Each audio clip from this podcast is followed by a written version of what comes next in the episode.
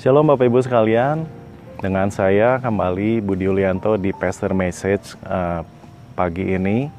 Ya, saya akan kembali uh, sharing melanjutkan sesi yang uh, bulan lalu tentang uh, kebajikan. Dan hari ini kita mau belajar tentang pengetahuan. Karena firman di uh, 2 Petrus 1 ayat 5 itu berkata bahwa kita, karena itu justru kita harus uh, dengan sungguh-sungguh menambahkan kepada iman kita kebajikan dan kepada kebajikan pengetahuan.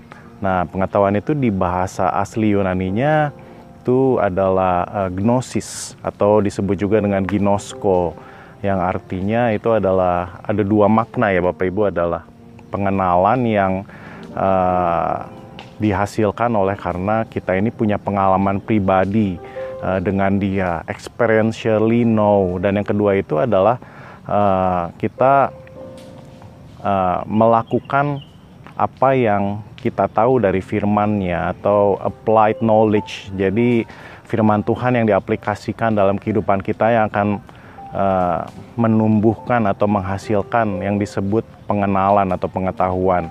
Nah, jadi pesan saya pagi hari ini simple Bapak Ibu bahwa uh, setelah kita di dalam Tuhan, setelah kita lahir baru, setelah kita menambahkan kebajikan atau disebut moral uh, goodness atau juga disebut dengan hati nurani yang murni, maka kita harus uh, menambahkan juga kepada iman kita dan kebajikan tersebut adalah pengalaman besar bersama dengan Tuhan.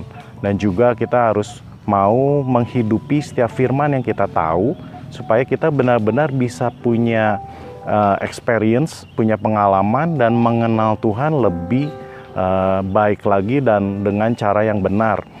Karena uh, kalau kita nggak nggak nggak punya pengalaman, nggak punya pengenalan ini, ini akan sangat uh, apa ya membawa kita kepada hal-hal yang mungkin tidak kita uh, mau gitu karena pengenalan akan Tuhan ini sangat penting karena pengenalan ini akan membawa kita kepada eh, tindakan-tindakan uh, dan pola pikir juga yang benar tentang Allah kita.